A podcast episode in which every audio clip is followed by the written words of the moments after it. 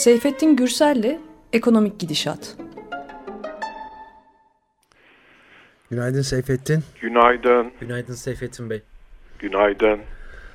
Evet ekonomik durumla ilgili çok hızlı bir şekilde gelişiyor her şey. Ben şeyi sormak istiyorum. Evet soluk soluk soluğa neredeyse artık günlük olarak değil saat itibariyle takip etmek zorunda kaldık. Evet. Son birkaç günü. Ben şeyi de sormak istiyorum şimdi da, tuhaf bir şekilde Adalet ve Kalkınma Partisi'nin genel merkezinde yapılmış Erdoğan Merkez Bankası Başkanı ve ekonomi kurmaylarını yani Cumhurbaşkanlığında değil de Ankara'da AKP Genel Merkezi'ne çağırıyor ve toplantının sonunda da e, İran'la yapılan yerel para birimi ticareti ile ilgili olduğu yolunda bir açıklama var. Şimdi bu e, gerçekten böyle bir şey, bir şey olabilir mi? Ya da Filistin'le mi ilgiliydi yoksa dövizle mi? Yani de, Filistin'le ilgiliyse Merkez Bankası Başkanı'nın ne işi vardı evet. toplantıda? Ee, İran'la Filistin'le ilgili olduğunu iddia etmek e, bence oldukça absürt. Yani çünkü herkes e, bu işin içinde olan herkes diyeyim en azından bu toplantıyı duyunca ha tamam dediler e, galiba işte Merkez Bankası da çağrıldığına göre büyük bir ihtimalle sen gene gereğini yap da şu 24 Haziran'a kadar idare edelim. Sonra ben zaten yapacağımı biliyorum denecek diye yani şey buydu tahminler. Onun için kimse e, bunun İran üstüne olduğuna e, inanmadı. Bence tabii ki bu döviz kurundaki çılgın yükseliş e, konuşuldu. E, çünkü hemen ardından Merkez Bankası'ndan bir açıklama geldi. E, biz işte durumu takip ediyoruz. Bunun enflasyona yansımasını da dikkate alarak gereğini yapacağız. Bu şu demektir. E, oldukça sert bir faiz artışı yapmayı düşünüyoruz ya da yapmaya karar verdik. Haberiniz olsun dedi. Zaten bu açıklamanın ardından ne kadar inandırıcı olduğunu ve Merkez Bankası'na olan güvenin ne düzeyde olduğunu e, gösteren bir gelişme oldu. 3 kuruş düştü dolar. 4.45'ti, 4.42'ye düştü. Şimdi bu sabah e, yayından önce şimdi bakıyorum 4.45 yeniden. Yani hiçbir etkisi olmadı. Ee, hani buradan başladık bari buradan bitirelim sonra biraz geriye alalım filmi. Merkez Bankası'nın artık o hale geldi ki şey e, tahvil e, gösterge yani piyasa faizi devlet tahvilinin bu çok önemli bir gösterge yüzde on altıyı geçti. Şeyin Merkez Bankası'nın fonlama faizi e, yüzde on üç buçukta. Yani dolayısıyla nereden baksanız e, gene işte e, uzmanlar diyorlar ki 300-400 bas puanlık faiz artışı lazım. Yani fonlama faizinde Merkez Bankası'nın bu kadar şiddetli bir artış yapması lazım. Aslında bunun bile ne kadar etkili olacak, kısa vadede etkili olur da e, bir bunu e, yapacak durumda değil, inanmıyorum bu kadar şiddetli bir artış yapabileceğine. İki, yapsa bile bütün mesele 24 Haziran'dan sonra ne olacak? Çünkü e, işte bu noktada istersen filmi biraz geriye saralım. Lütfen. Ee, Cumhurbaşkanı zaten çok yani neredeyse 3 yıl oldu galiba bu enflasyon faiz e, ilişkisine e, yönelik e, çok iddialı, ısrarla üstünde durduğu bir teorisi var. Buna hiçbir iktisatçının yani işini bilen hiçbir iktisatçının tabii inandığı yok yani bunu bunun son derece yanlış ama daha önemlisi yanlış olmasından öteye e, tehlikeli olduğu kanaatında. Tabii bunu yatırımcılar da sadece büyük öyle fonlar hani faiz lobisi deniyor. E, o faiz lobisinin mensupları sadece böyle düşünmekle kalmıyor. Türk vatandaşı da böyle düşünüyor. E, dolayısıyla e, büyük bir tedirginlik yaratıyordu bu.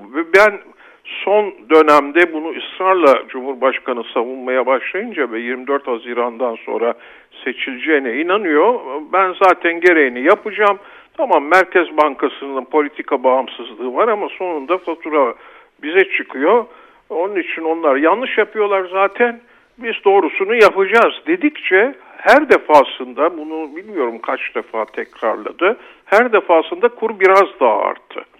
Yani zaten 4.20'lere geldiğinde e, dolar kuru e, bana sorarsan bir hayli Türk lirası değer kaybetmişti. Yani makro ekonomik temellerden, göstergelerinden Türkiye ekonomisinin de e, kopuk bir şeyde, düzeyde, düşük düzeyde e, bir değeri e, vardı.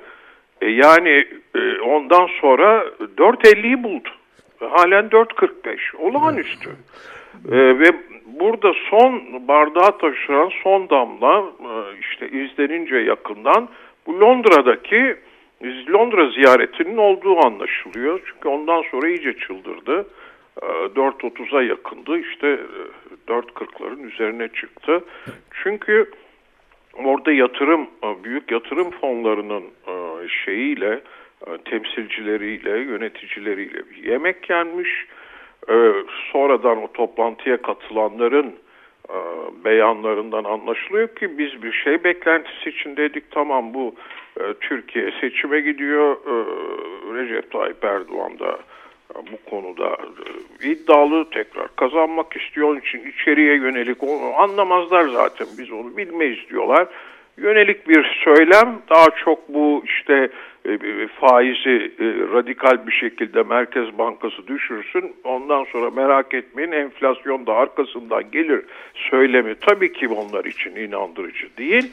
Ama e, bu içeriye yönelik bir e, propaganda söylemi bize herhalde rahatlatacak bir takım e, beyanlarda bulunacak, güven verecek diye beklenti içindeymişler.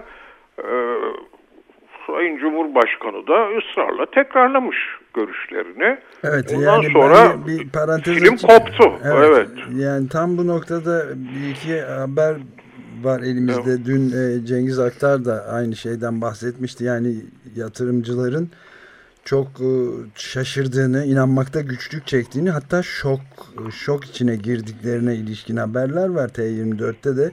Yani e, Bloomberg'ün Londra'daki binasında gerçekleşti, gerçekleşen röportajında Erdoğan Londra ziyareti sırasında Uluslararası Ekonomi Haber kanalı Bloomberg'ün röportajında düşük faiz konusundaki ısrarını sürdürmüş ve sebep netice ilişkisine baktığımız zaman faiz sebep enflasyon neticedir.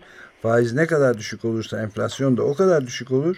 Aşağı çektiğimiz anda faizi bütün maliyet girdileri aşağı düşecektir demiş ama e, takip eden yatırımcılar söz konusu açıklamalara yönelik değerlendirmelerini inanmakta güçlük çektik ve şoke olduk sözleriyle açıklamışlar. Bir yatırımcı da Erdoğan'ın yaklaşımından ve böylesine kırılgan bir dönemde piyasalarla savaşa girmeye hazır olmasından şaşkına döndük demiş mesela. Evet. Yani şimdi bir kere bir, bir iki cümleyle izin verirsen işte. yani bu o kadar şey ki aşikar ki iktisatçılar için ve biraz iktisat bilenler için bir kere maliyet şey bizzat bu ilk şeylerde bu bu söylem bu iddia işte e, ortaya atıldıktan bir süre sonra Merkez Bankası bir e, çalışma tebliği de e, yayınlamıştı. E, onların elinde çok geniş bir şey verisi var, firma verisi var, düzenli takip ediliyor. Firmaların maliyetlerinin e, dökümü e, içinde tabii ki faiz harcamaları ortalama yüzde beş bu kimisinde yüzde bir iki kimisinde beş altı yani devede kulak aslında olan şu e, yeterince enflasyonla mücadele edilmediğini e, dolayısıyla Türk lirasının artı cari açığın arttı. Onu da unutmayalım. Yani 2016'da %3 küsurlara kadar düşmüştü. Ondan sonra 2017'de iç talep pompalanınca 5,5'lara çıktı. Bir de üstüne bu kadar büyük bir cari açık ve tabi döndürülmesi gereken kısa vadeli döviz borçları da dikkate alındığında Doğal olarak bunu sadece uzman olmaya gerek yok. Sokaktaki Türkiye vatandaşı da öyle. Herkesin kiminin belki milyon dolarları var ama çok yüz binlerce belki milyonlarca Türkiye'li vatandaş e, iyi kötü bir dolar şeyi de tutuyor ne olur ne olmaz diye geçmişten gelen endişelerle. Sonuçta onlar bile endişeye kapılıyorlar ve daha çok döviz almaya başlıyorlar. Ellerindeki Türk lirasını dövize çeviriyorlar. E, bu kuru yükseltiyor Kuru yükselince esas maliyet enflasyonu oradan kaynaklanıyor. Çünkü bizim çok ciddi e, şeylerimiz var. E, içeride üretmediğimiz dışarıdan ithal etmiyor. En basitinden enerji en kolay örnek o. E, petrol, doğalgaz. Şimdi bunların zaten bir de üstelik onların fiyatları da uluslararası fiyatları yükseldi başka evet, nedenlerle. 4 seneden, Ona girmeyelim. Evet, 4 evet. seneden beri en yüksek seviyeye ulaştı. Evet, e, bir de bunun üstüne Türk lirasının değer kaybını koyun. Tabii ki enflasyon yükseliyor. Bu çok bilinen bir şey. E sen şimdi o zaman bir şey girdabına giriyorsun. Tam tersi bir nedensellik söz konusu.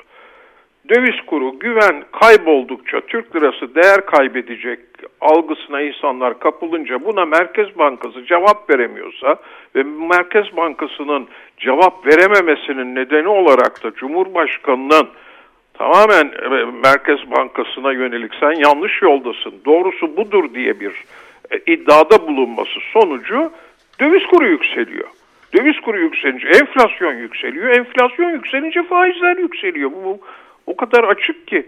Şimdi bu olay şu yani bundan ötesinde ben şahsen şunu düşünüyordum. Tamam 24 Haziran'dan sonra belki kıyamet kopacak. Çünkü artık bu sefer e, eğer Recep e, Tayyip Erdoğan seçilirse çok kararlı bir şekilde ilan etti. Ne yapacaksa yapacak e, sonuçlarına da hep birlikte katlanacağız. Bunun bir kriz tetikleyicisi olabileceğini de son yazımda belirttim. Bundan imtina ediyordum. Yani uzun süredir kafamda düşünüyorum, evirip çeviriyorum. Sadece bir kriz değil, daha doğrusu öyle bir e, politika, para politikası uygulandığında öyle sorunlar ve dengesizlikler yaratacak ki yavaş yavaş Türkiye şeyden de çıkacak. 2001'den sonra yapılan e, çok esaslı reformlardan yani Merkez Bankası'nın politika bağımsızlığı, özel kurumlar, değil mi? Banka düzenleme denetleme kurulu, hatta belki kambiyo rejimi,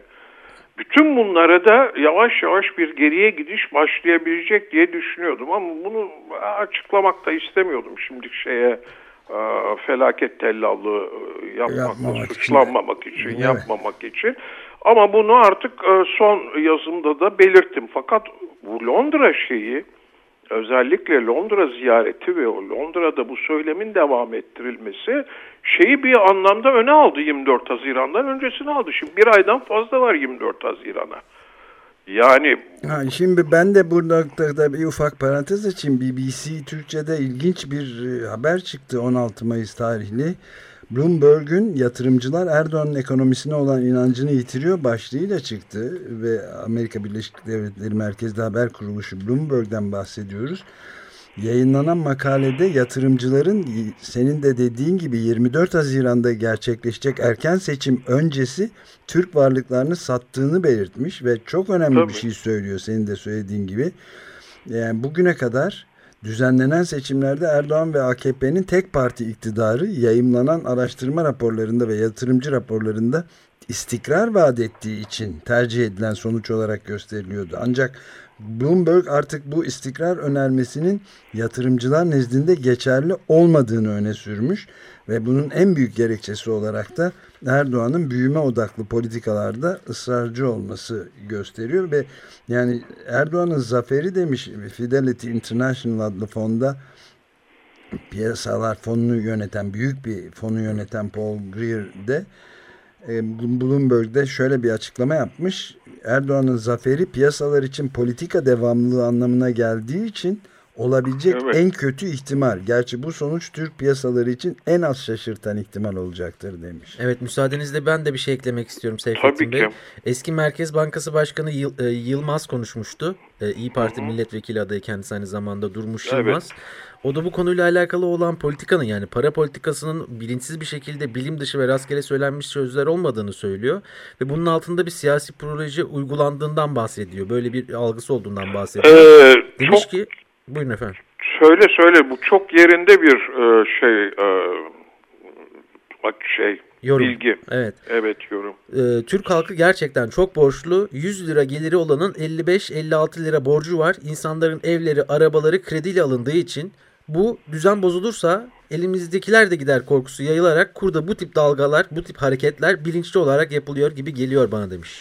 Ha bilinçli olarak yani bu böyle olsun diyemiyor. Anlamadım bunu Cumhurbaşkanı böyle bir kendisinde inanmadığı bir teori ileri sürüyor. Bu demek istiyor. Yani belki de böyle demiyor herhalde. Bence kesinlikle sorun şurada. Cumhurbaşkanı buna kesinlikle inanıyor haklı olduğuna. Evet. Ya herhalde ondan ve e, yakınındaki birkaç danışmanın dışında buna inanan dünyada e, kimse yok. Hani dünyada inanmıyor olabilirler. Türkiye'de de bana sorarsanız bakanları da ekonomiden sorumlu bakanların da inandığını sanmıyorum. Hı hı. Dolayısıyla büyük bir tedirginlik var ve tutarlı olabilmesi için şimdi bir açık piyasa ekonomisi Türkiye uzun yıllardır böyle bir ekonomi oldu. Bunu tartışabilirsiniz. Erken oldu, acılı oldu, öyle oldu, böyle oldu. Ama sonuçta bu açıktan kasıt serbest şey, e, sermaye akımları. Tabii ki doğrudan sermaye yatırımları, yabancı sermaye yatırımları arzu edilir. E, özellikle yeni teknolojiler getiriyorlarsa. Ama onun dışında ciddi yapısal bir cari açık veren e, ekonomi olduğu için o açığın finansmanı önemli ölçüde kısa vadeli işte sıcak para denilen parayla yapılıyor. Bunun da araçları işte devlet tahvilleri Türk lirası cinsinden önemli ölçüde zaman zaman döviz tahvili de çıkartıyorlar ama bir de borsa o da Türk lirası cinsinden. Şimdi buralarda siz Türk lirası cinsinden yatırım yaptığınız zaman Türk lirasının değerinden emin olmanız gerekir. Evet. evet. E bu, bu, bu güven tamamen bitti. Ha şimdi o zaman sen hem bu düzeni yani bu sermaye hareketlerinin serbest olduğu, işte kambiyo rejiminin serbest olduğu, herkes isterse dolar tutar, isterse Türk lirası tutar, isterse yurt dışına gerekirse hiç kimseye hesap vermeden 10 bin dolar e, tutar çıkartır vesaire. Unutmayın bu yeni genç jenerasyon özellikle genç dinleyicilerin başka bir dünyanın Türkiye'nin yarım yüzyıl o dünyada yaşadığından haberleri bile yok. Çünkü yaşamadılar. 1980 öncesi cebinde 10 dolar varsa ve polis seni yakalarsa içeri atıyordu. Öyle mi? evet. Sigara... Tabii ki. Şu bak Can da bilmiyor. Yok ben bilmiyorum. Yabancı sigara bulundurmak da tutuklanma sebebiydi. Marlboro evet. cebinden evet. çıkarsa tutuklanırdın. Yani. Neyse.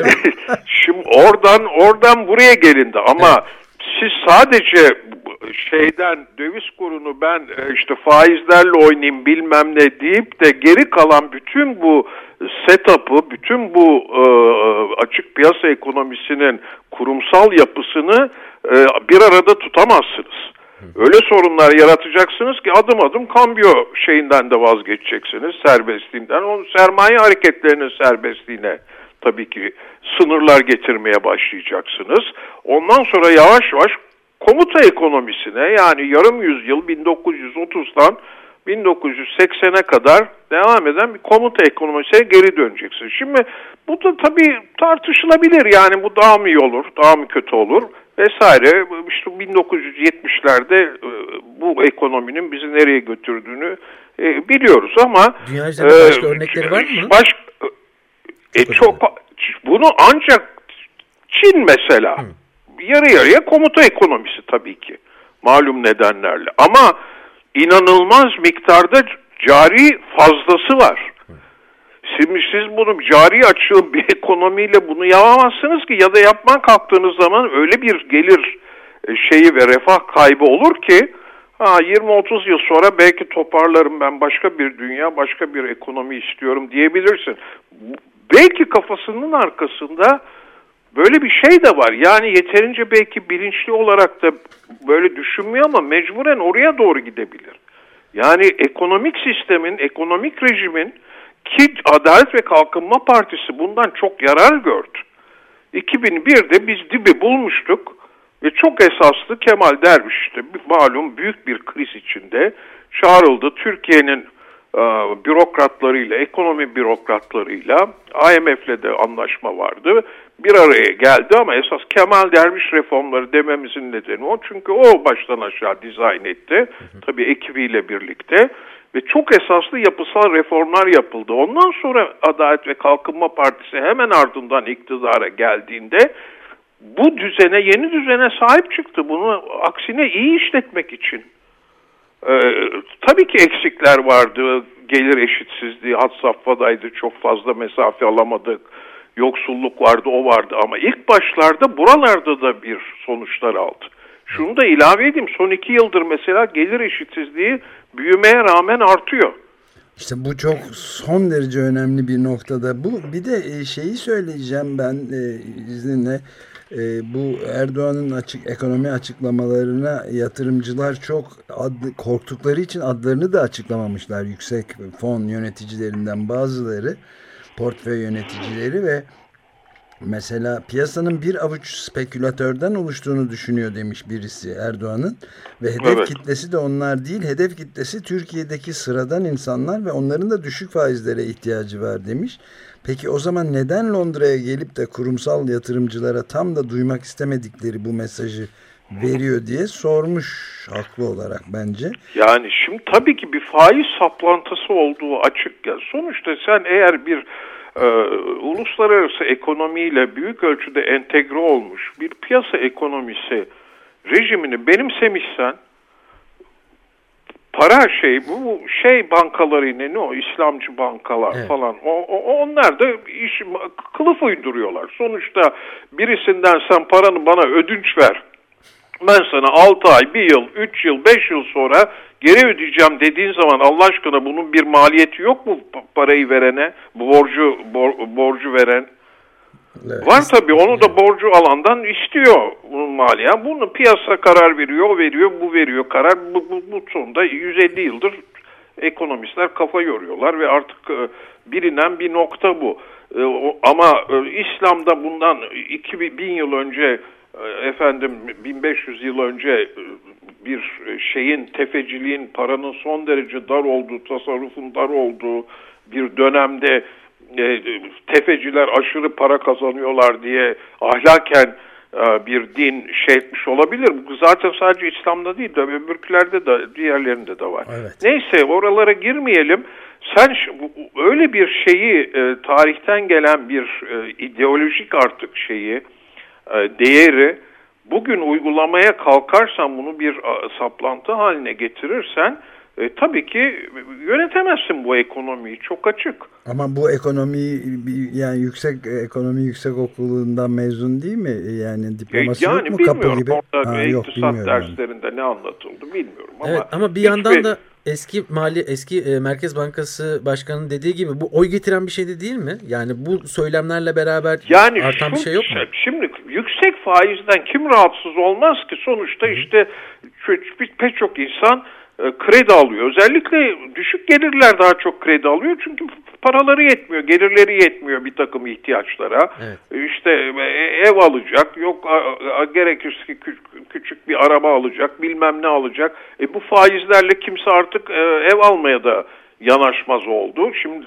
bir de son 2-3 haftadır korkunç düzeylere çıktı artık piyasa faizi. bankalara şimdi komut ekonomisi derken o mesela o da bir e, tezahür bu benim iddiama. Şeylere emir verildi e, kamu bankalarına. Evet yüzde yirmilik indirimler yapıldı. Evet. E, evet. Çok, çok önemli. E, şimdi şey. anladım da sen piyasada bunlar hangi maliyetle parayı toplayacaklar? Devlet e, tahvilinin faizi bile yüzde on altıyı geçtiyse nasıl verecekler yüzde on iki ile şeyi? Yani e, faizle e, hipotekli krediyi belli ki arada çok ciddi bir fark oluşacak eğer bu böyle giderse. O fark da bildiğimiz 2001 öncesi e, görev zararı diye bu ki 2001 krizinin çok önemli nedenlerinden biriydi. Korkunç miktarda bu bankalar e, zarar biriktirmişlerdi. Onu da halının altına süpürüyorlardı. Şimdi yani bir geriye doğru gidiş, komuta ekonomisine doğru gidiş derken işte hep bunları kastediyorum. Yani siz ya kurallara göre oynayacaksınız, benimsediğiniz oyunun kurallarına göre ya da diyeceksiniz ki ben bu oyunu artık oynamak istemiyorum. Hı e hı. E tamam o zaman tutarlı bir alternatif ekonomi rejimini savunabilirsin yani. Evet. Kodri meydan. İlginç. Yani bunu e, herhalde daha epey e, hızlı bir şekilde konuşmak zorunda Tabii da ki. kalacağız. Kalacağız. Bütün evet. hayatımızın e, en kritik kırılma noktalarından birine doğru da hızla yaklaşmakta olduğumuz aşikar. Ee, çok teşekkür ederiz. Ee, ben teşekkür ederim. İyi yayınlar. Görüşmek üzere. Görüşmek üzere.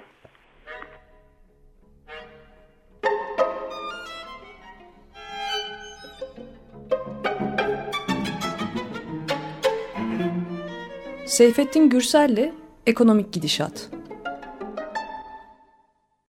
Açık Radyo program destekçisi olun. Bir veya daha fazla programa destek olmak için 212 alan koduyla 343 41 41.